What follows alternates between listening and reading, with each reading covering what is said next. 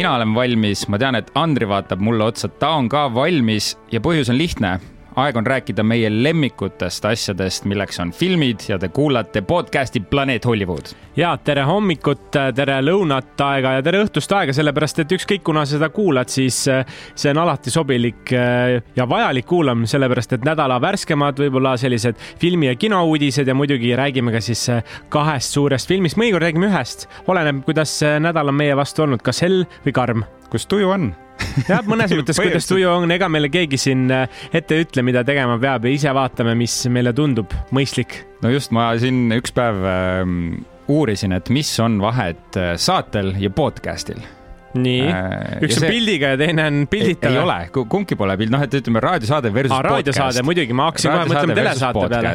ja mm, -hmm. aga noh, sa tead kindlasti või? Raadiosaade ja podcast, jah. et mis on näiteks raadiosaate episood ja podcast'i episoodi vahe? no äkki see on meedium, kus seda avaldatakse või? no tegelikult ei ole, ma sain seda teada, et ainus vahe, mis tegelikult on, on see, et äh, podcast'i monteeritakse post'is ja raadiosaadet no. laivis aga minu arust on sellel ka mõtteline vahe, sest et minu arust podcast on selline koht, kus sa saad natuke vabamas vormis, räägid nii palju, kui teemat on, et sul ei ole nii segmenteeritud asjad ja ma tunnen, et seda ma naudingi sinuga lihtsalt. tead, ma arvan, et sul on mingi rääkimas. trauma, sellest võime rääkida mõnes teises podcast'is sinuga, et mis traumad sul täpselt on, aga, aga nõus, minu arust igati lahe selline fakt siia alguseks ja Richard, mõtlesin, et küsin äh, küsin su käest ühe küsimuse, me oleme, räägime siin alati filmidest, mis on kinodes, võib-olla mis on streaming platvormidest, aga mis on mõni selline vanem film, mida sa siis oled vaadanud uuesti, olgu see siis äh, ma ei tea, eelmise aasta film, mis ei ole küll väga vana, aga äkki on, oled mõnda sellist äh, ikoonilist vana filmi ka uuesti vaadanud? ma tean, vaata, tehakse neid klassikaüritusi ja nii edasi, nii tagasi. Äh, no mulle meeldib, ma arvan, et lähme tagasi seitsmekümnendatesse ja noh, Star Wars. ma ei saa, ma ei saa üle ümber. Star Wars on olnud asi, millega ma olen üles kasvanud, mis mulle siiamaani meeldib ja ma võin neid, noh, esimene ongi seitsmekümne seitsmenda aasta New Hope. aga kuna vaatasid siis? no ma vaatan ikka korra aastas vähemalt. korra aastas, kas sellel aastal on vaadatud? Sellel aastal ma olen Star Warsi sarja vaadanud, Mandaloriani. Oh. No ma tean, et Star Warsist meil tuleb täna juttu veel, kui ma ise mõtlen, ma ei ole väga suur, ma olen siin varem ka rääkinud, väga suur vanade filmide fänn, aga tead, vanu Eesti filme võib täitsa vaadata, näiteks Siin me oleme, keegi tahab meelde tuletada, siis minu meelest ka Jupiterist saab seda vaadata peaks saama Andri teeb kiire guugeldamise. ei, no, no ei, ma tean, et see oli meil üleval, ma ei mäleta praegu, kuidas seal õigustega lood olid, aga Eesti filme kindlasti Jupiterist küllaga on. ja üleüldse me asumegi Jupiteri platvormil, nii et eh, tere tulemast kõige ägedamasse voogedastusplatvormi maailmas ja millest meil siin saates täna juttu tuleb, sa korraks ka tegid väikse intro, et äh, räägime filmiuudistest, puudutame Barbit, Star Warsi, räägime Matt Damonist ja tuleta mulle meelde üks asi veel. Russell Crowe muidugi. täpselt nii, Russell Crowe ja Gladiator kaks ja arvustuse osas ehk nädala naelas räägimegi siis kahest asjast, seekord Lewis Capaldi dokist ja uuest filmist Air ja nagu ikka alati kõige lõpus Jupiteri soovitused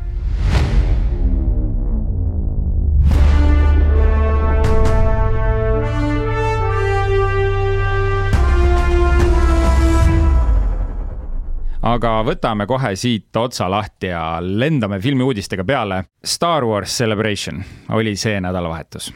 mis see tähendab üldse? Jah, põhimõtteliselt, kui sa oled kuulnud sellist asja nagu Comic-Conid, erinevad Ikka.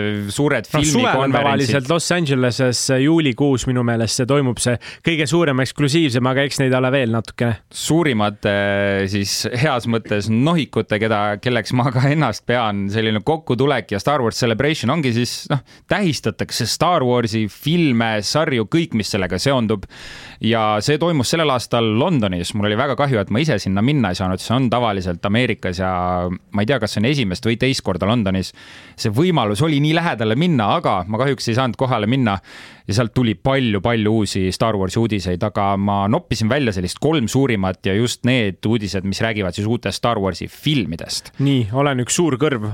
valgusta mind, sest ega mina ausalt öeldes, mulle meeldib näiteks Harry Potter ja mingid teised asjad, Star Warsi fänn, ma olen kõiki uusi filme näinud, aga kõiki vanu filme ma võib-olla ei olegi näinud ja kuigi sina vaatad iga aasta neid üle, siis, siis mina ei ole neid, jah äh, minu silma ei läinud. uusi neid Disney Star Warsi filme sa oled siis näinud? ja uusi ma olen näinud okay., aga neid vanu asju ma ei olegi võib-olla kõiki vaadanud, ma olen üksikuid vaadanud, aga kuna ma ei ole kasvanud selles vaimus või rütmis, siis see on kuidagi jäänud alati teisele poole universumi aga tõmbame nüüd need äh, Star Warsi mütsid pähe ja lähme võib-olla natuke tiipi mõne asjaga, aga ma üritan mitte väga äh, detailseks minna. igatahes kolm sellist suuremat filmiuudist, et palju oli ka sarjade kohta, uute hooaegade kohta, see Bad Batch saab selle uue hooaja, Acolyte'i sari on tulemas palju,, palju-palju muud, aga kolm sellist suuremat filmi ja üks nendest on James Mangoldi äh, film, mis läheb tagasi Jedi'de või jedide sünniajastusse, nagu me teame, Star Wars on rääkinud palju nendest Jedi rüütlitest, kes on siis noh, nad kasutavad sellist üleloomulikku jõudu,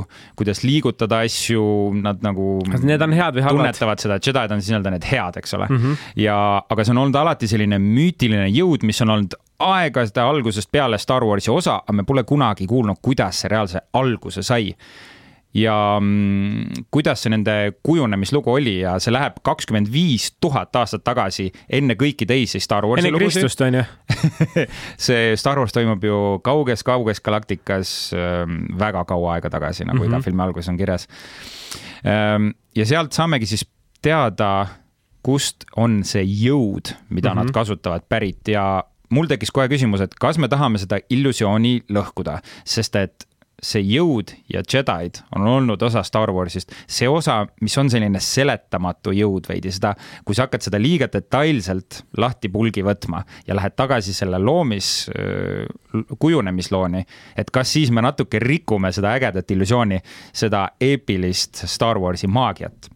Aga raha, raha räägib, ma ütlen, et tõenäoliselt midagi jätakse lahtiseks ka, ma ei usu, et päris kõike kivisse raiutakse, aga võib-olla natukene anda sellist inspiratsiooni selle üle, et kuidas see tekkinud on ja, ja mis selle mõjutajad on, sellepärast et nagu sa ütlesid, see on see terve, terve asi on ju selle ümber käinud just nii ja James Mangold, keda ma mainisin, on siis äh, Logani näiteks lavastanud ja uus film sellel suvel, mis tuleb, mida sina, mina, Andri, kindlasti väga ootame, Indiana Jones and the Dial of Destiny ehk siis mm -hmm. uus Indiana Jonesi film. see režissöör võtab siis selle filmi oma hõlma alla. aga mis, äh, mis uudiseid või mis filme sisu veel tulemas on? ja järgmiseks ma võtangi nagu režissööride kaupa, sest nemad on need äh, juhtivad jõud siin, Charmin Obaid-Chinoy, kes on siis Disney plussis Miss Marveli sarja režissöör ja looja olnud ja tema Star Warsi film räägib loo viisteist aastat pärast The Rise of Skywalker filmi.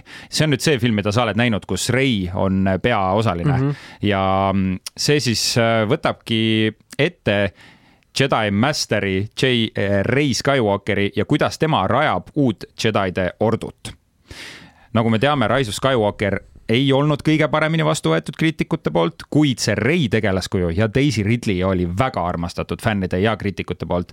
nii et siin näemegi siis, kuidas hakatakse nagu algusest peale, mis nagu seda Jedi ordut üles ehitama, mis eelmistes filmides siis nagu maha tõmmati no väga põnev, ma ütlen ausalt öeldes siin ei oskagi palju öelda, et äh, kuna need umbes meile jõuda võiksid paari aasta pärast või...? oi, need, need on äh, kusjuures äh, kaugemal, kui alguses arvati, et ähm, veel filmima pole hakatud, aga käsikirjad on valmis ja üks film veel, millest ma niimoodi kiirelt räägin, et Dave Filoni, keda ilmselt paljud teavad ähm, Star Wars Rebelsi ja Clone Warsi loojana, temal tuleb ka uus film ja mängufilmina tuleb tema New Republic ajastust, ehk siis see räägib äh, sellest ajast, kus The Mandaloriani tegevus toimub ja selle filmi siis lugu saabki olema Mandalooriani lõpulugu ehk äh, see sari, mis praegu Disney plussis jookseb, sellele tehakse selline viimane suur osa ja see tuuakse filmina siis kinoekraanidele, et seal ei ole ainult, kes nüüd sarja on näinud, seal ei ole ainult meil see Mandaloorian ja Grogu peategelased, vaid seal tulevad paljud tagasi veel, Ahsoka tegelaskuju,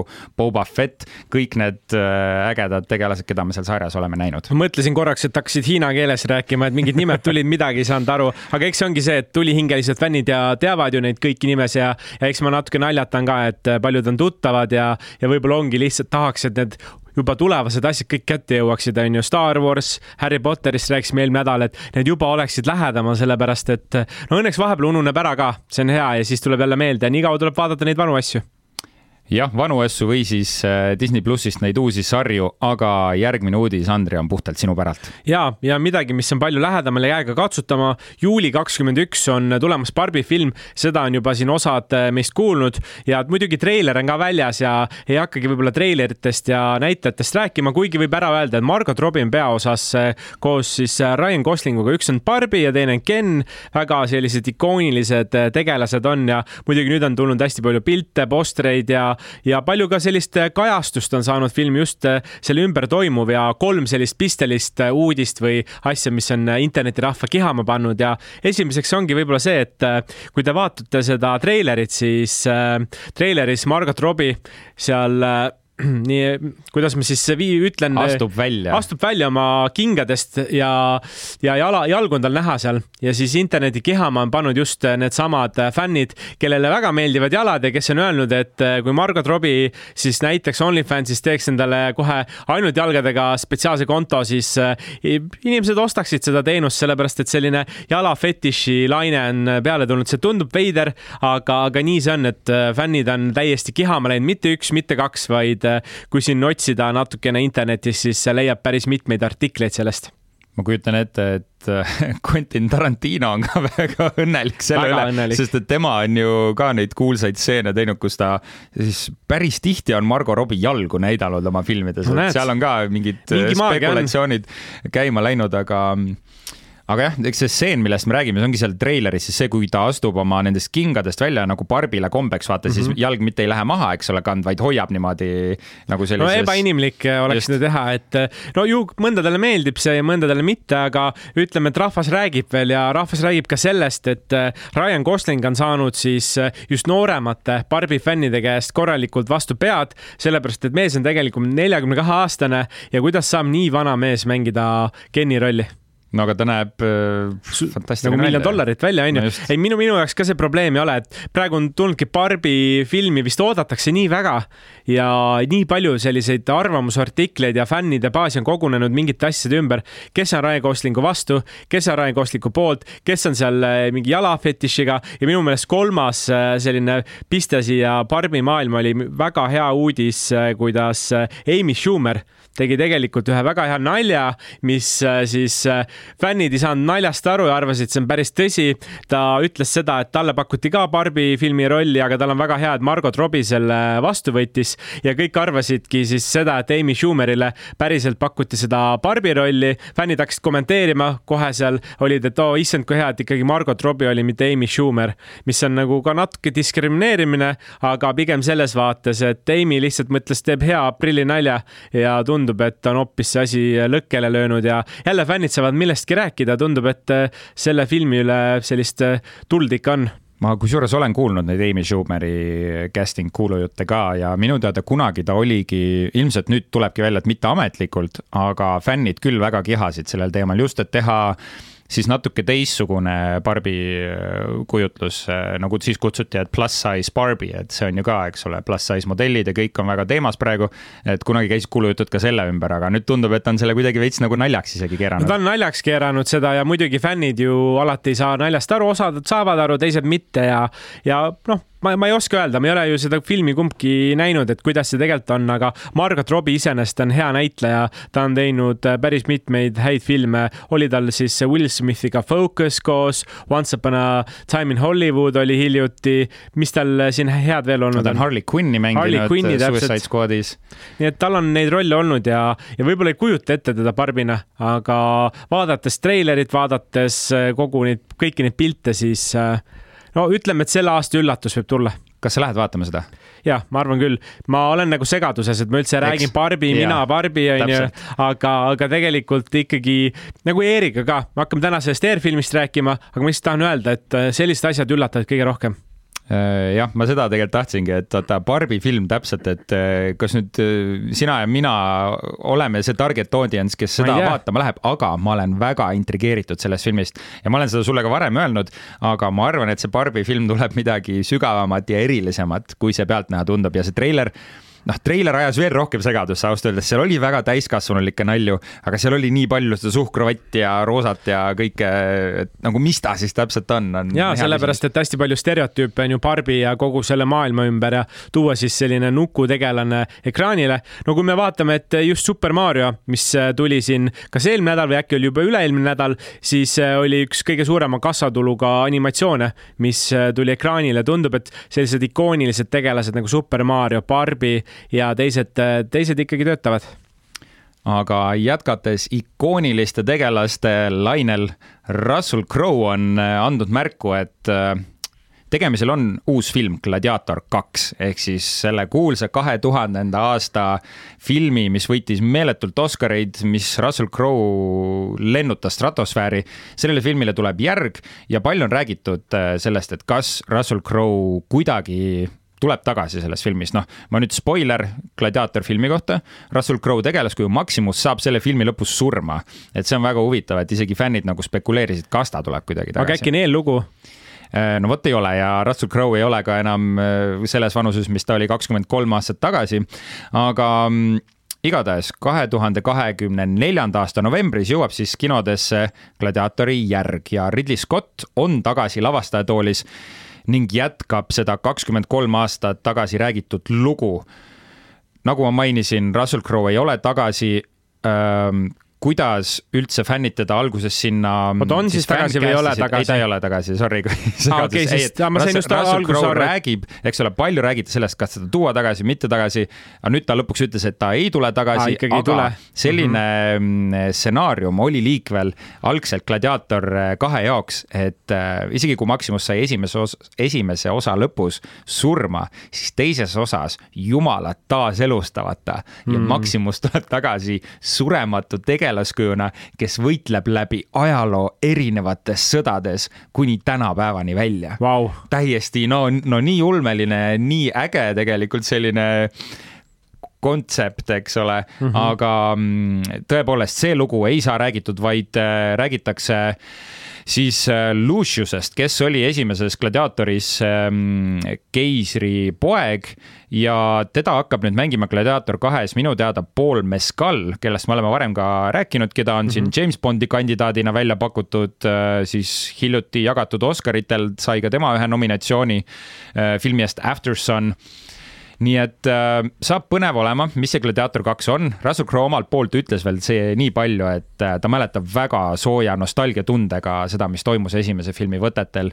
ja tal on väga kahju, et ta noorena seda hinnata ei suutnud su,, suutnud äh,, kuid ta soovib siis Paul Mescalile palju edu ja ta on väga kade, et Paul Mescal saab selles ägedas liivakastis mängida. noh, siis tuleb ajamasin leiutada ja tagasi minna ajast ja uuesti teha näiteks see roll või midagi sellist, aga, aga jah, selliseid äh, rolle väga ei, maast ei leia absoluutselt mitte, ma arvan, et see tuleb Paul Mescali jaoks ka üks väga äge roll, aga mul on sulle üks äh, viktoriini küsimus äh, Nii. sellel teemal. ma ei tea, kui palju sa Russell Crowe'i tead, mis, mis rolle ta või no ütleme nägupidi sa tunned ikka ära. ta on nägus meesterahvas jah. on ju ehm, siis küsimus selline, et millise kuulsa fantaasia filmirolli lükkas Russell Crowe tagasi kahe tuhandendate alguses? Pakun, ma mõtlen, mis seal oli siis. mul on Mei... ka valikvastus. ma pa panen puusad praegu pakuks, ma pakuks Matrix, aga ma ei tea, lase. no Matrix on, no ta on ka veits fantaasia, ta on rohkem ulmefilm no,. aga ma võtan fantaasia osas siis, no ma annan sulle kolm Anna. vastuse varianti. kas see oli Harry Potter, Kariibi mere piraadid või Sõrmuste isand? no teine mõte, mul oli see Harry Potteri mõte onju, Sõrmuste isand. ma kujutan teda Sõrmuste isandast kõige rohkem, ta on selline, võib-olla see Gladiaatori film on ka jätnud temast sellise no maskuliinse, sellise tugeva mehe ja Sõrmuste isandas oli sellist ka võitlust palju, et ma ei kujuta ette, kuidas ta seal äh, oleks Harry Potteris ringi käinud onju. mis see teie teine variant oli seal vahepeal? Kariibi mere piraadid. Kariibi mere piraadid, oi, kõik on head, aga ma ei keeruta. ma panen selle Lord of the Ringsi praegu lukku ja vaatame siis, mis on õige sest ma ei tea. ja roll, mille Russell Crowe tagasi lükkas, oli Aragorn ehk Aa. siis Sõrmuste isand, täpselt õige vastus äh,. algselt äh, pakuti siis seda rolli Russell Crowe'le, ta lükkas selle tagasi ja selle sai, nagu me teame, Viggo Mortensen lõpuks ka hea valik. aga, aga ma arvan, et oleks väga hästi sobinud Aragorniks ka, väga sarnane karakter sellele mõnes mõttes, mis ta Gladiatoris mängis. nii et loogika pidas paika ikkagi sellised jõulised karakterid saavad mängida ka jõulisi karaktereid hästi öeldud. aga võtame siis äh, tänase viimase uudise ja kuna meil on filmiks on Air, siis ma mõtlesin, et natukene puudutan sellist Matt Damoni hingemaailma ja sellest, äh, kuidas ta praegu oleks juba siin mitmesaja miljoni omanik, aga ta ei ole seda.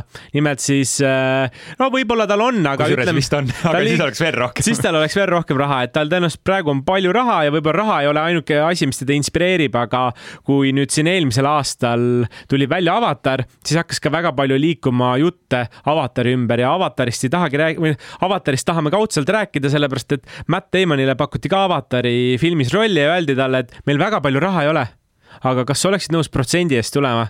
ja Matt Damon mõtles, juba selleks ajaks oli selline no juba natuke tuntum äh, näitleja ka ja, ja mees mõtles ja ütles, et tead, ma ei hakka tulema ja ütles James Cameronile, kes oli siis äh, režissöör, ütles talle ära ja talle pakuti ligi kümme protsenti kogu avatari kassatulust ja kui me mõtleme, et avatari esimene film on üle kahe miljardi teinud, siis äh, lihtne arvutus võiks öelda, et tema selliseks tasuks oleks kakssada miljonit dollarit. ma arvan, et see on kõige suurem üldse tasu, mida keegi kunagi oleks siis saanud näitlemise eest mõnes Hollywoodi filmis. kindlasti, ma arvan sama, see Avatar esimese osa kassatulu oli minu teada kaks koma seitse, kaks koma kaheksa miljardit, no peaaegu kolm täiesti ulmeline asi, mis ta tagasi lükkas ja ta on ise ka öelnud, et see on tema elu üks suurimaid kahetsusi. ja ta siiamaani vahepeal mõtleb järgi ja ta on muideks öelnud ka, et no, et kui ta nüüd saaks ikkagi osaleda, no ilmselgelt ta protsenti ei saa, aga et avatari filmile panuse annaks ja minu arust James Cameron on ka öelnud äh, juba selle välja, et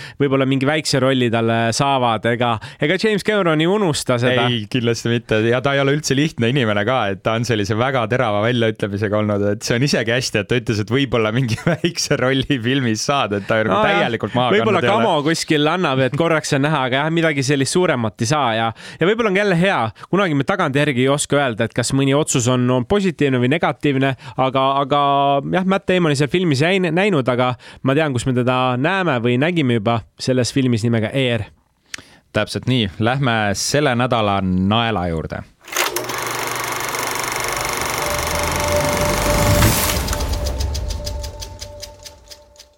ja film Air, mõlemad käisime, Andri, sinuga seda vaatamas. Air räägib siis loo Nike murrangulisest aastast, kui nad tõid turule Air Jordani tossud ning tõid esmakordse spordidiili maailma parima korvpalluriga Michael Jordan Nike oli tollel ajal üsna madala tähtsusega bränd, noh, ta oli küll NBA-s, eks ole, see aasta oli seitsekümmend neli, seitsekümmend kolm, kui see teema seal käima hakkas.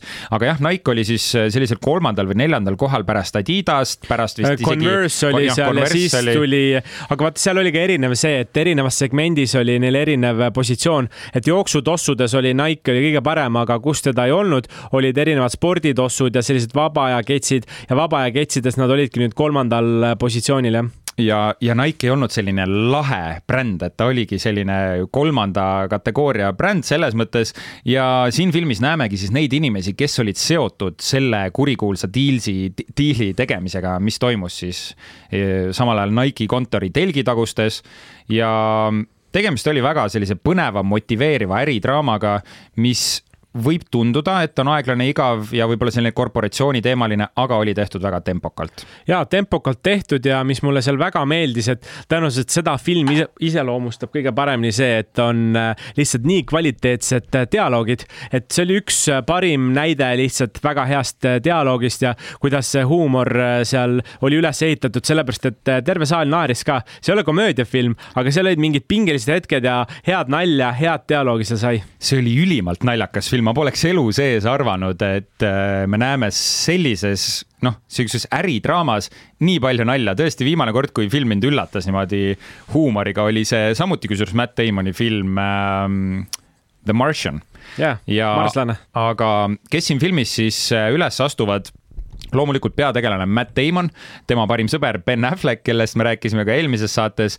samuti on seal Jason Bateman, Viola Davis, Chris Tucker ja paljud teised ning lavastajatoolis ei keegi muu kui Ben Affleck ise, kes on viimastel aastatel äh, teinud väga ägedaid äh, valikuid just lavastajatoolis olles. ja, ja Ben Affleck mängis siis äh, Nike'i loojat Phil Knighti.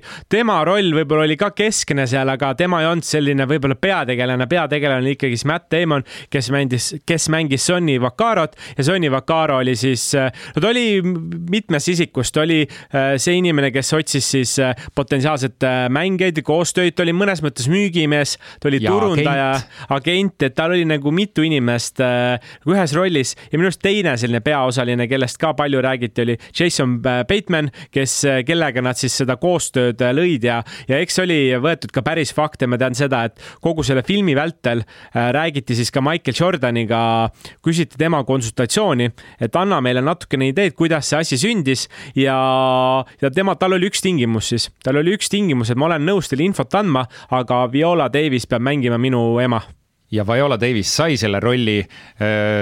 see näitlejanna teadagi siis on saanud EGOT-i ja mida see tähendab, ta on võitnud Emmy, Grammy, Oscari ja Tony auhinna, mida ainult üksikud äh, kusjuures läbi aegade kokku, ma võin nüüd eksida, ma pakun peast mingi seitseteist või kaheksateist inimest väga üldse vähe. olnud.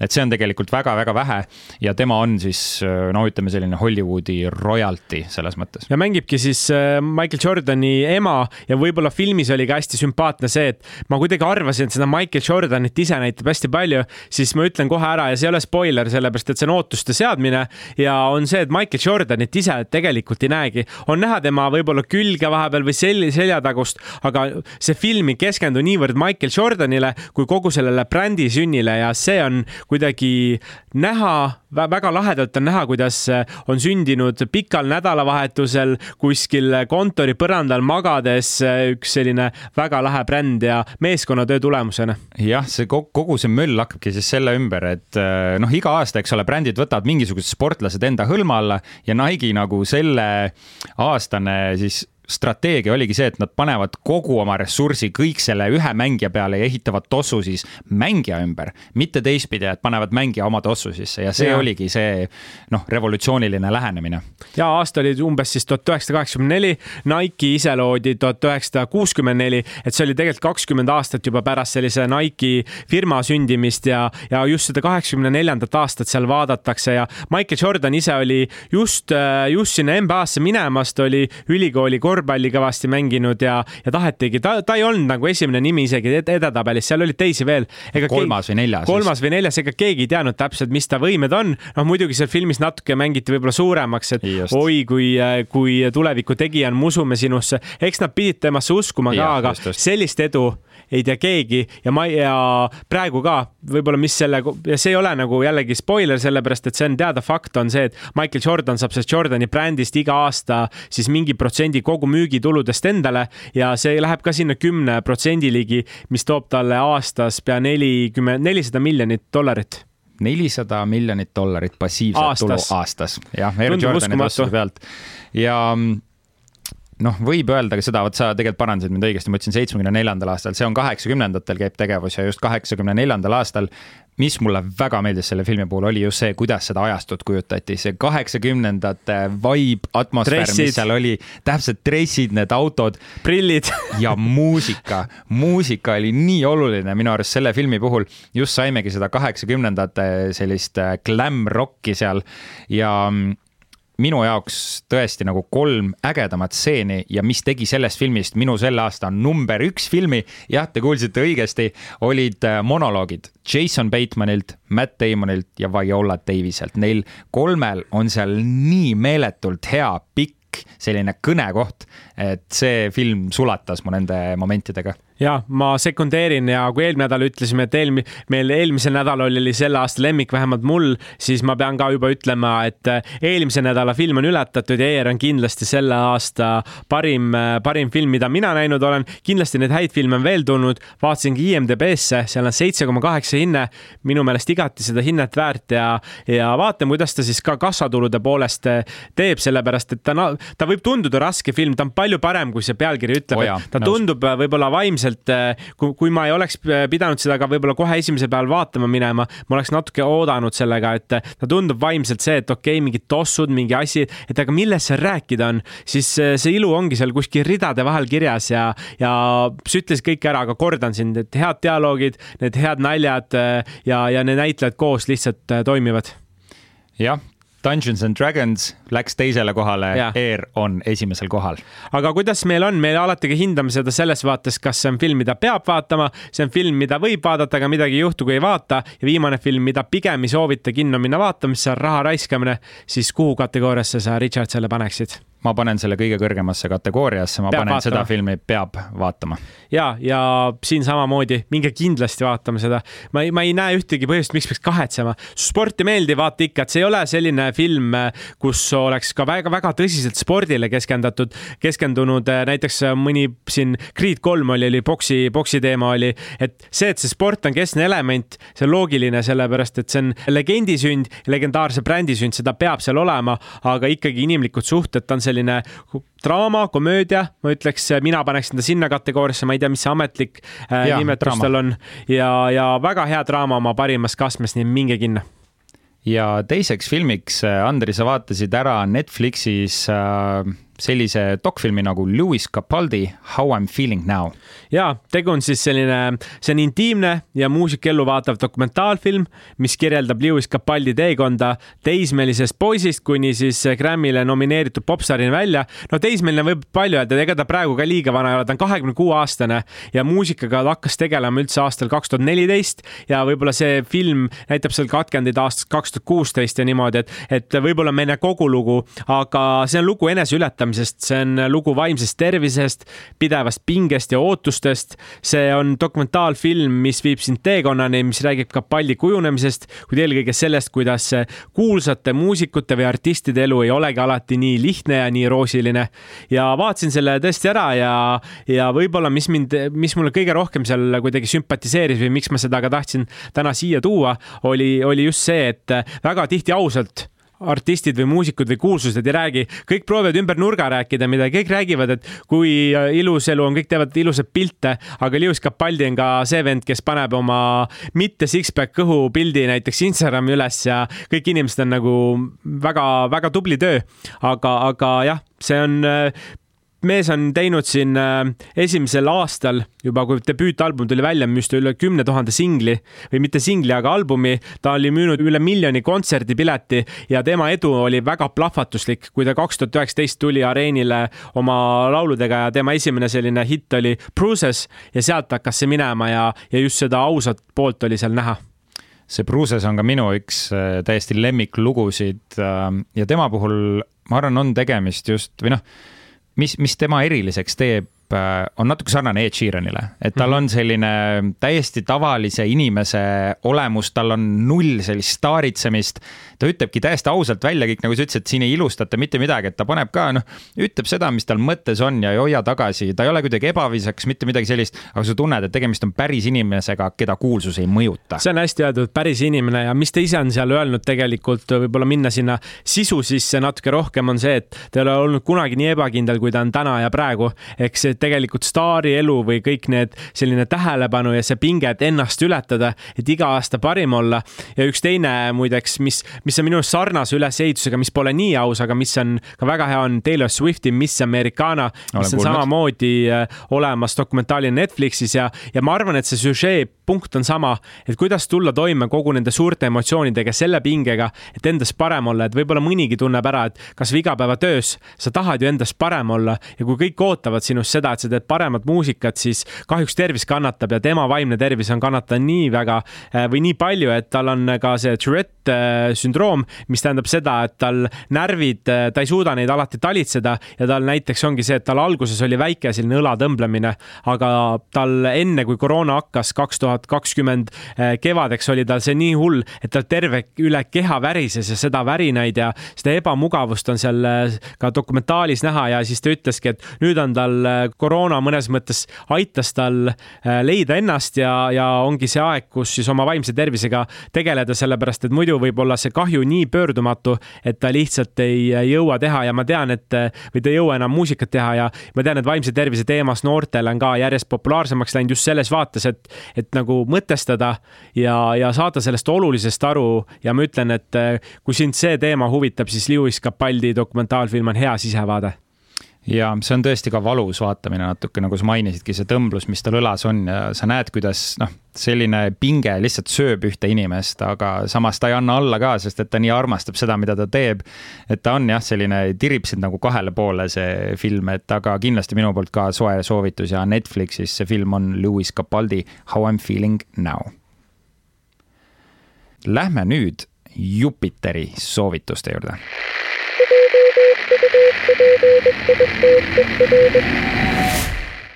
Jupiteri nurk on siis koht, kus äh, me oleme välja valinud äh, kõige ägedamad äh, sisud, on need filmid, saated ja anname siin hea soovituse, mida sealt vaadata. Jupiter.err.ee on täiesti tasuta ERR-i voogedastusplatvorm, mis siis ühendab kokku kõige parema sisu, mis ERR-is saada on. ja loomulikult, kuna me räägime siin ikkagi rohkem lavastuslikest žanritest ja filmi filmi, noh, ütleme filmidest, aga ka sarjadest teinekord, siis ma valisin välja sellise sarja nimega Ääretu. ja Ääretu on lühisari, mis räägib ajaloolise loo Magel Heisist ja Elkanost, kes olid kuulsad maadeavastajad, kes asusid ümbermaailmareisile viissada aastat tagasi Hispaaniast tollel ajal oli Portugal selline juhtiv majanduslik jõud Euroopas äh, ning Magal Hayes tahtis ette võtta ümber maailma reisi, et äh, tuua siis äh, sinna riiki rikkusi ning loomulikult oma nimi ajalooraamatutesse kirjutada. Portugal lükkas tema pakkumise tagasi, kuid ta asus lõpuks ikkagi hoopis Hispaania lipu alt sellele reisile ja ülimalt seikluslik on ja kui keegi tahabki rännata siis viissada aastat tagasi ajas, vaadata, kuidas seal äh, sügavas keskajas asjad käisid, kuidas see merekaubandus ja mere, merereisid äh, olid, siis see on suurepärane sari. iga osa on siis umbes viiskümmend minutit pikk, kokku on kuus osa ja, ja vaatasin ka IMDB-s on hinne väljas kuus koma kaheksa, igati soliidne, igati soliidne hinne ma ütleks, et see kuus koma kaheksa minu arust ei ole õigustatud, et äh, ma Veel vaatasin rohkem. selle, ma vaatasin selle sarja ära äh, ja noh, see on tõesti väga suurejooneline selline maadeavastussari ja peaosades on seal ka väga kuulsad inimesed. Alvaro Morte, kes nimepidi, nimepidi võib-olla ei ütle väga palju, aga kes on vaadanud Netflixis Money Heisti, teab, et see mm, Alvaro Morte on äh, mees, kes mängis siis äh, seal seda tiimijuhti, kes siis mm -hmm. orkestreeris kogu, kogu seda mm, röövi teemat ja teine tema kõrval on Rodrigo Santoro, kes on mänginud filmis kolmsada Xerxest, kui sa mäletad, selline suur jumalus, kes seal pahalane ning äh, samuti sarjas Westworld. et tegemist on näitlejatega, kes on ka Hollywoodis äh, läbi löönud. ja Hispaania näitlejatega tegu ja, ja kui ma ei eksi, siis äh, ju film on või see sari on ka hispaania keeles tegelikult, aga noh, see tänapäeval vaata ongi see, et kui sa saad selles originaalkeeles, siis see on võib-olla palju autentsem ja muidugi subtiitrid on seal olemas, et ei pea siis oma hispaania keele oskust proovile pan-, panema, aga muidugi võib ja, ja ma ütleks, et see sari võib-olla faktide osas jätab äh, soovida, aga mis äh, faktide osas siis võib-olla puudub või noh, midagi on seal nagu juurde tehtud, siis ta on äärmiselt suurejooneline ja visuaalne. et minu jaoks äh, meenutas see sari lausa filme Master and Commander ja sellist Netflixi sar-, seriaali nagu Black Flag et see oli tõesti suursugune, see oli võimas, see oli ülevoolav ja ma mõtlesin, et miks miks on niisugune tunne, nagu ma vaataks mingit Hollywoodi filmi ja ma sain teada, et selle sarja lavastaja on Simon West, kes on siis äh, Hollywoodis äh, filmirežissöör ja lavastanud selliseid filme nagu Expendables, Con Air ja Tomb Raider. nii et mehel on korralik taust äh, seiklusfilmide tegemisel ja seda seiklust ta siis ekraanile toob. ja su soe soovitus lühisari Ääretu. aga meil on nüüd sellel reedel ju suur auhinnagala tulemas. EFTA gala ehk siis Eesti filmi ja teleauhinnad on siis ERR-i kanalites kell üheksateist kolmkümmend ja loomulikult saab ka Jupiterist vaadata seda otseülekannet, nii et kas te olete siis äh, teleka äpis või olete veebis, olete hoopis telefonis seda vaadata, siis leiad kindlasti selle otseülekande Jupiterist ülesse. no mina olen kindlasti ka kohale minemas ja, ja tahaks, tahaks kohe värskeid muljeid tuua, aga ma mõtlesin, ma ütlen ka lühidalt ära, kuna meil on filmi podcast, et kes seal näiteks parima mingi filmi kategoorias üldse on nomineeritud ja kolm filmi on seal. seal on siis Apteeker Melchior, Viirastus, seal on siis Kalev, mis on, teame, korvpallifilm ja viimasena on siis Tagurpidi torn, mis on, ma ütleks, selline õuduslastefilm, ma olen selle kõik neid kolme näinud ja ausalt öeldes äh, ma ei teagi, kellele pöialt hoida, mul lihtsalt on kuidagi hästi sümpaatne äh, Melchiori filmid, sellepärast et lihtsalt see keskaja teema mulle väga meeldib, aga kõik, mis mind kõige rohkem üllatas, kui ma peaks valima, oli see Tagurpidi torn, sellepärast et psühholoogiline lastedraama, kuidas lapsed tegelikult ei ole alati nii toredad, vaid võivad ka julmad olla. Ja ma ei oodanud seda võib-olla sellepärast mm,. ja minu jaoks oli ka võib-olla see üllata, üllatus isegi ja miks, põhjus, miks ma ei läinud võib-olla tagurpidi torni vaatama, oligi see, et ma mõtlesin, et tegemist on lastefilmiga, aga ma olen kuulnud, et see on noh, see ei ole pelgalt lastefilm, et see ongi päris, räägib päris tõsistel teemadel. sa isegi mainisid nagu õudusfilmi hõnguline kohati. no natuke lõpp oli minu jaoks, ma ei, kui keegi ei ole näinud, siis äh, vaatab ise, aga lihtsalt see lõpp tundus selline nagu natuke jubedam võib-olla, võib-olla lastel oli see, kui lapsed hakkavad seda kui lastefilmi vaatama, siis äh, ma ei tea ja, ja kusjuures nüüd, äh, kui sa ütled, siis Melchiori viirastus ehk siis Melchiori teine film, see on ju ka suhteliselt Õudne. selline, ta, tal on seda õudustooni päris palju ka sisse toodud, ma mäletan neid selliseid väga uduseid tänavaid ja selliseid poolehmatuskohti isegi. absoluutselt ja kui ma vaatan üldse teisi kategooriaid ka, mis siin äh, EFTA-l siis äh, just filmide kategoorias välja toodud on, siis ausalt öeldes ega needsamad nimed Kalev Melchior ja Tagurpidi torn on enamustes kategooriates, olgu siis parim meesnäitleja, parim äh, naisnäitleja või režissöörid, et tegelikult tundubki, et need olid need eelmise aasta kõige topimad filmid. ja ma arvan, et Kalev teeb puhta töö no, minu, minu isiklik lemmik on Kalev siin nimekirjas ja. arusaadav, eks see ongi see, et äh, igaühele midagi ja ei tea, kes seal täpselt äh, žüriis on, kes hääletavad, aga, aga ma usun, et kõik midagi koju endale võtavad, et päris keegi tühjade kätega ei jää. ja vist oligi Mait Malmsten, kes seal Kalevis tegi väga ägeda rolli ja kui juba Malmstenitest rääkida, siis see aasta ei ole enam Tõnis Niinemets õhtujuht, vaid on saatejuhtideks Saara Pius ja Franz Malmsten nii et äh, on äh, see järg edasi antud, muidugi Tõnist on alati on naljakas näha, aga võib-olla natukene anda teistele ka ruumi ja jään seda õhtut ootama. järgmine nädal ka kindlasti räägime just võitjatest ja anname võib-olla sellise oma mahlase kommentaari juurde. aga järgmine nädal äh, ilmselt võtamegi siis ette uue filmi, mis jõuab kinodesse, milleks on üks siis Nicolas Cage'i ja Nicolas Holti ma ei teagi isegi, kuidas klassifitseerida seda filmi, komöödia, õudus.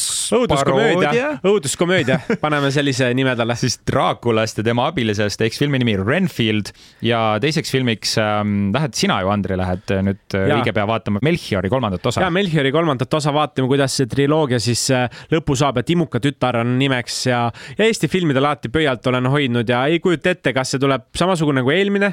mulle meeldis teine osa rohkem kui esimene, aga kas ka kolmas meeldib rohkem kui esimene, teine.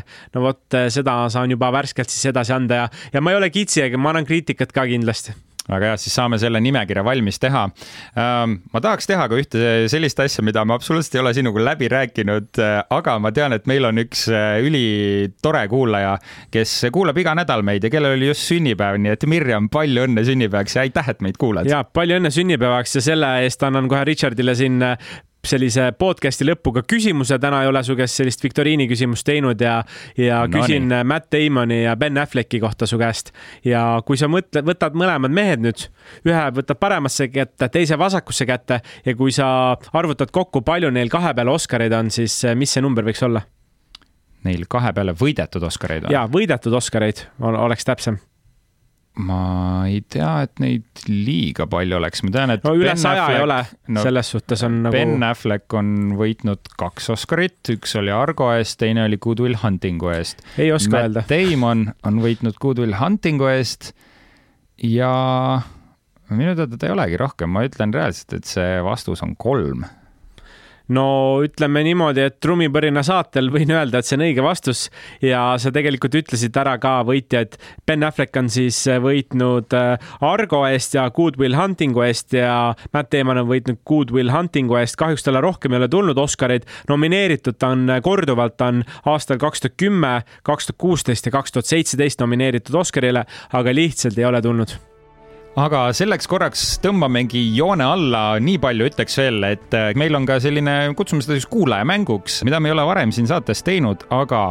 proovime järgi. kui sa tahad võita ägedat Jupiteri nänni, siis äh, võta osa Instagrami loosimängust ja selleks on sul vaja midagi väga lihtsat teha tag'i ära jupiter.err.ee ning kirjuta, mis on olnud sinu kõige lemmikum film või sari, mis sa üldse Jupiterist kunagi vaadanud oled.